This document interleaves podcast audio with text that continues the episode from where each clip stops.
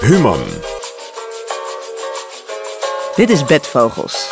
We nemen je mee door tijd en ruimte op zoek naar de drijvende krachten achter seks.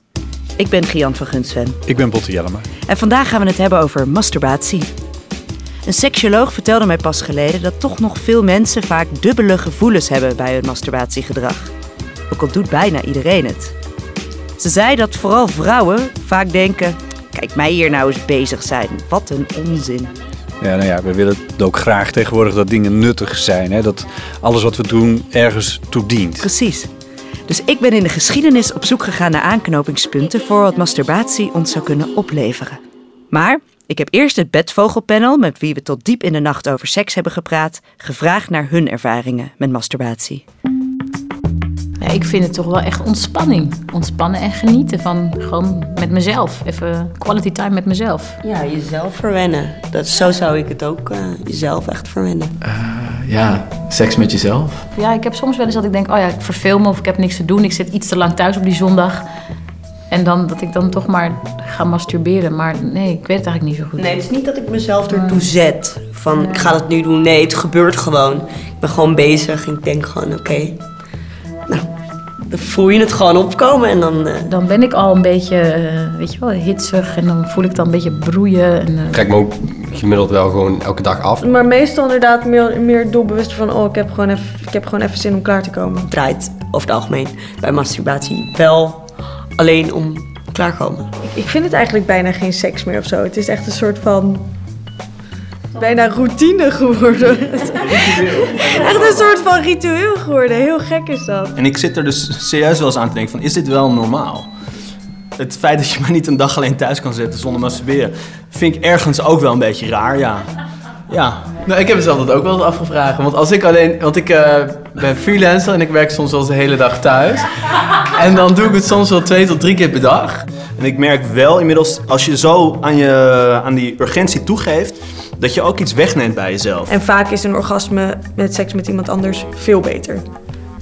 En is dat veel meer een soort van wow. En dus bij masturbatie heb ik meer zoiets van... Oké. Meestal huil ik na afloop. Nou, ik ben altijd best wel als het klaar is, oké, terug aan het werk. Lang, lang, lang geleden in China Ja, wacht even. Sorry, we zouden het hebben over dat we ons machinaal zitten af te trekken. Ja, en daar gaat dit wel over. Kijk, in het oude China werd er ook wat afgemasturbeerd. Maar was men ervan overtuigd dat het juist wat toevoegde, ook aan je werk. Dat zou wel een beetje zweverig kunnen klinken. Daar hebben we het zo over.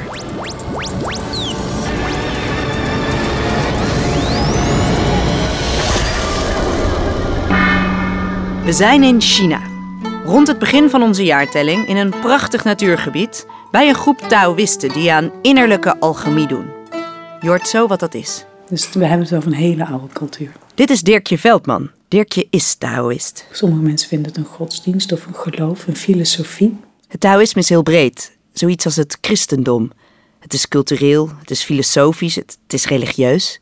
Je hebt stromingen in de architectuur, in de geneeskunde. Je hebt bijvoorbeeld ook acupunctuur, feng shui. Tachi? Precies. Het hoort allemaal bij het Taoïsme. Ik hou van het kosmologische eraan.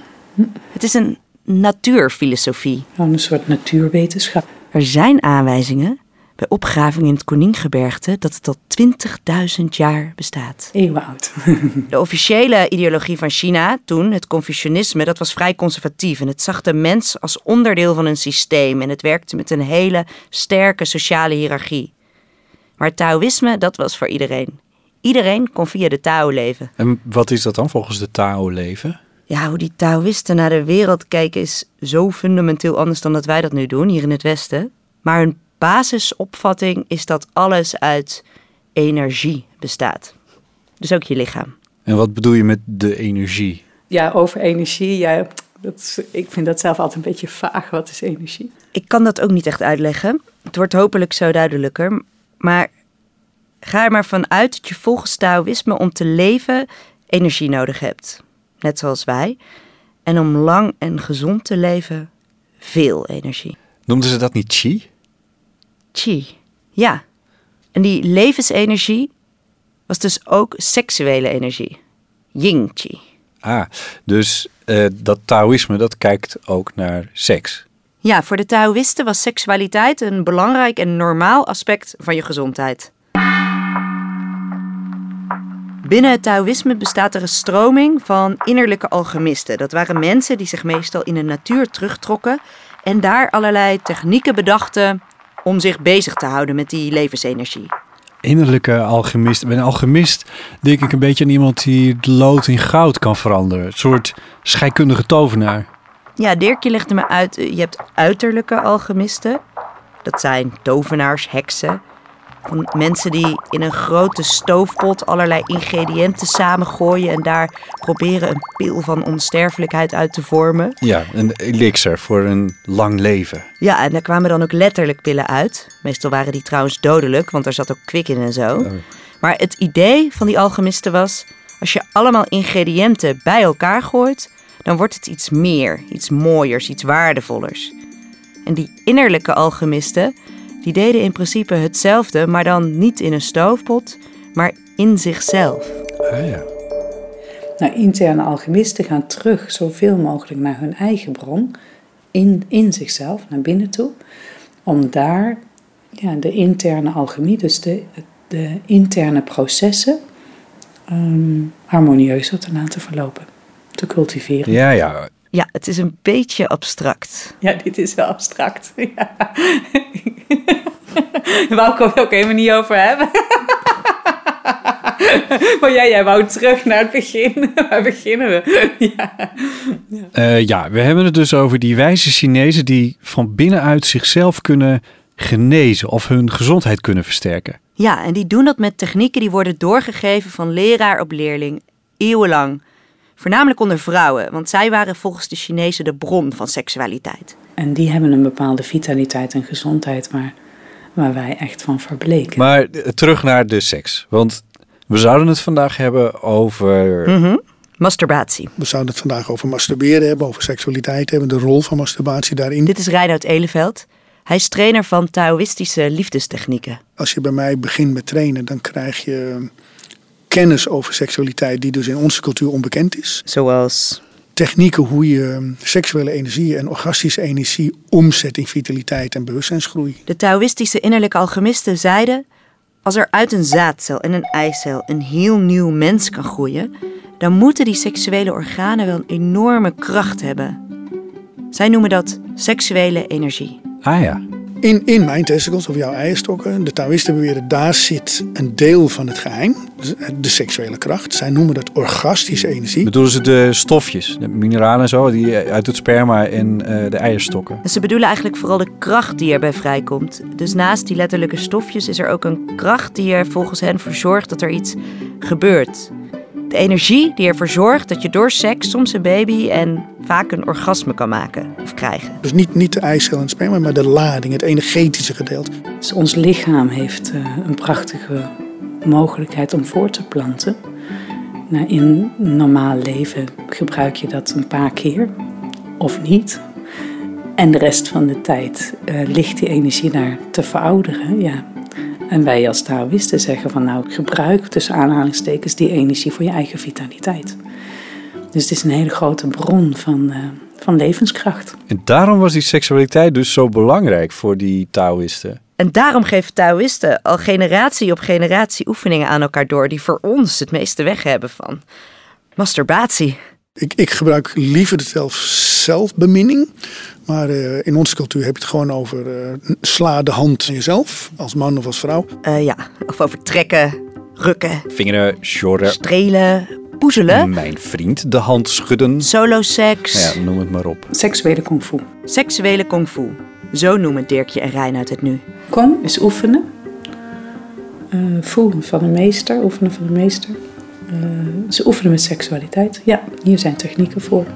Als je deze technieken gaat leren, gaat je seksuele identiteit enorm ontwikkelen. Je vermogen om lief te hebben gaat enorm ontwikkelen. Je gaat veel diepere hechting aan met de mensen met wie je echt verder wil. Oké, kom maar door met die oefeningen. Dan gaan echt liefde en seksualiteit op zo'n manier stromen. Nou ja, dus dan heb je bijna medelijden met mensen die dat niet geleerd hebben. Oké, Ik heb geprobeerd om bij Dirkje en Reinoud te weten te komen uit welke oefeningen hun seksuele kung fu dan precies bestaat. Dus je moet leren hoe je je seksuele opwinding eh, verzamelt en hoe je het eh, dan in dat machientje brengt. Dat is de eerste, eerste stap. Dus ik zei, Reinoud, kan je dat wat concreter zeggen? Heel concreet, nou ja, dat is eigenlijk een onmogelijke vraag. Want dan zou je concreet de trainingen moeten gaan volgen die die Taoïsten doen. Oké, wat leer je studenten dan nu? Iedereen die bij mij traint, man of vrouwen, krijgen meteen... Oké, ga maar naar huis, ga maar naar de slaapkamer in eentje, deur op slot. Als staat je vriendje op de deur te rommelen van mag ik kijken, wat ik bij? Nee. En dan krijg je een soort opwindingsoefeningen, huiswerk. Dan ga je jezelf in opwinding brengen met masturberen. Uh, jezelf heel veel trainen. Ook op erogene zones. Gewoon, je maakt, op je eigen manier breng je jezelf in opwinding. Uh, en voelen dat als je denkt van nu kom ik in het gebied dat ik echt wil klaarkomen. Tegen de tijd dat je daar in de buurt komt, ga je stoppen. Daarvoor stoppen. Stoppen. Je, je stopt voordat je gaat klaarkomen? Rusten.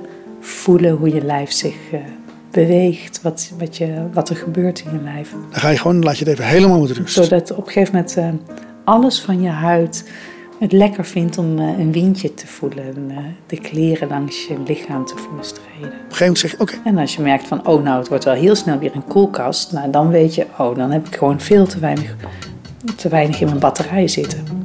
Dus dan ga je gewoon nog een keer. En nou ga je weer in opwinding. Ga je weer richting orgasme. Alleen als je daar bijna bent, zeg je, ja, stop je weer. En maakt het ook uit hoe je masturbeert? Dat is uh, privé. Maar om je volledig op je lichaam te kunnen focussen, raden ze aan om niet uitgebreid te gaan fantaseren of ergens naar te kijken. Geen porno dus. Dan zul je opeens zien dat die hersens opeens die, uh, die, dat beeld of die, die, wat je dan opwindend vindt of spannend vindt loslaat. En opeens joem, naar binnen klapt. En opeens krijg je, ga, je, ga je vrijen met jezelf. Dus dan, dan opeens zit je aandacht in jou in plaats van bij de ander die jou moet opwinden. Dus maar die ruimte voordat je überhaupt denkt aan klaarkomen, die oprekken. Nou, als je dat, dat bewerkstelligt, dus dat zo echt gewoon de hele dag door is, dan zit je goed. Hoor je dat? De hele dag door. De hele dag door? Ja. Gewoon het gevoel dat je buik uh, leeft, sprankelt, uh, ja, lekker voelt. Dat is een hele normale levenslust. Gewoon zin hebben. Zonder dat... Zonder dat je daar maar wat mee doet. ja, je zit me echt aan te kijken. Wat en uh, dat klaarkomen dan? Mannen die zitten allemaal een beetje beteuterd aan te kijken. Van, oh, het zal wel met minder klaarkomen te maken hebben. Dat is het eerste wat ze zeggen. Van, en waarom dan? Om een of ander zweverig verhaal over het innerlijk landschap. Nou, bedankt, wegwezen je. Dat zie je ook echt. En ik ben eigenlijk niet geïnteresseerd in klaarkomen, ja of nee. Masturbatie is toch, heeft bij mij in ieder geval het gevoel dat je jezelf bevredigt om de bevrediging. Oké, okay, ik snap het. Maar ik bedoel, blauwe ballen. Uh, dan loop je toch de hele tijd knettergeil door de stad. Ja, alleen ik moet ineens denken ook aan dat profvoetballers ook geen seks mogen hebben voor een belangrijke wedstrijd. Dat is dus die seksuele energie. Die Taoïsten die oefenen in hun seksuele kung fu, dat is die energie. En dan oefenen ze dus om eigenlijk iets anders te doen met dat opgewonden gevoel dan te willen klaarkomen. Maar je wil eigenlijk dat, dat gevoel, dat tintelen, prikkelen, dat wil je door je, he de hele, je hele lijf hebben. Ja, na het masturberen, jezelf in opwinding brengen, gebruiken Dirkje en Reinoud technieken om dat gevoel van opwinding vervolgens te verspreiden over hun lichaam. Een heleboel mensen krijgen dan misschien een beetje de kriebels, maar je zou het best wel kunnen uitleggen als een lichte vorm van meditatie. En dat moet je voor je zien. En met zachte aandacht, zo wordt het wel een beetje genoemd. En hoe gaat dat dan precies? Ja, het is misschien een beetje zelfacupunctuur, kan ik het zo zeggen. Dus ik dacht zelfacupunctuur. Ja, ja. Hmm, ja, ja. De Taoïstische technieken die al eeuwenlang van meester op leerling worden doorgegeven in de seksuele kung fu, die blijven een deel mysterie voor de buitenstaander. Terwijl ik hier zit, kan ik het. Ik kan nu, we zitten gewoon gekleed aan tafel en zo, niks aan de hand. Maar terwijl jij hier zit, kan ik gewoon, ik kan nu naar mijn testicles, ik kan het eruit halen. Het zit nu in mijn rug, het zit nu in mijn hoofd, het zit nu in mijn buik. Ik, ik heb letterlijk iets gedaan wat jij niet kan en wat ik wel kan. Maar je kunt het dus leren. Ja, en als het kwartje eenmaal valt, dan word je volgens de Taoïsten de rest van je leven een heel ander mens. Kleur ogen gaat veranderen, de textuur van de huid gaat veranderen. Um, je hele gevoel van hoe je in je lijf zit verandert. Ze zeggen ook dat de Taoïsten er daarom zo gezond uitzien en je zo doordringend aan kunnen kijken. In onze cultuur zie je mensen in het begin wel lekker fit zijn en dan gaan ze de paniksdans zien tussen hun dertigste en veertigste zijn ze lekker aan het doen met elkaar. En dan rond hun veertigste zie je een beetje onrustig om zich heen kijken en gaan de eerste tekenen van verval zie je dan. En dan krijg je de zogenaamde crash landing in de kist, zo rond je tachtigste en dan val je gewoon uit elkaar. Wij denken dat dat normaal is, dat het hoort bij het ouder worden. Maar volgens Dirkje en Reinoud komt dat door een gebrekkige seksuele training. En daarom oefenen die Taoïsten vroeger dus zoveel met masturbatie. En sommige huidige Taoïsten ook. Ze steken dus energie in veel masturbatie. Om zichzelf extra levensenergie te geven. Levenslust is natuurlijk wel wat anders dan altijd zin in seks hebben. Dus het gaat echt om dat je lichaam gewoon zin heeft om te leven. Gewoon zin, zin. Dat maakt je een Taoïst. Trouwens, die ogen van Dirkje, die konden je wel echt doordringend aankijken. Echt? Het leek wel alsof ze licht gaven. Is het concreet genoeg of niet?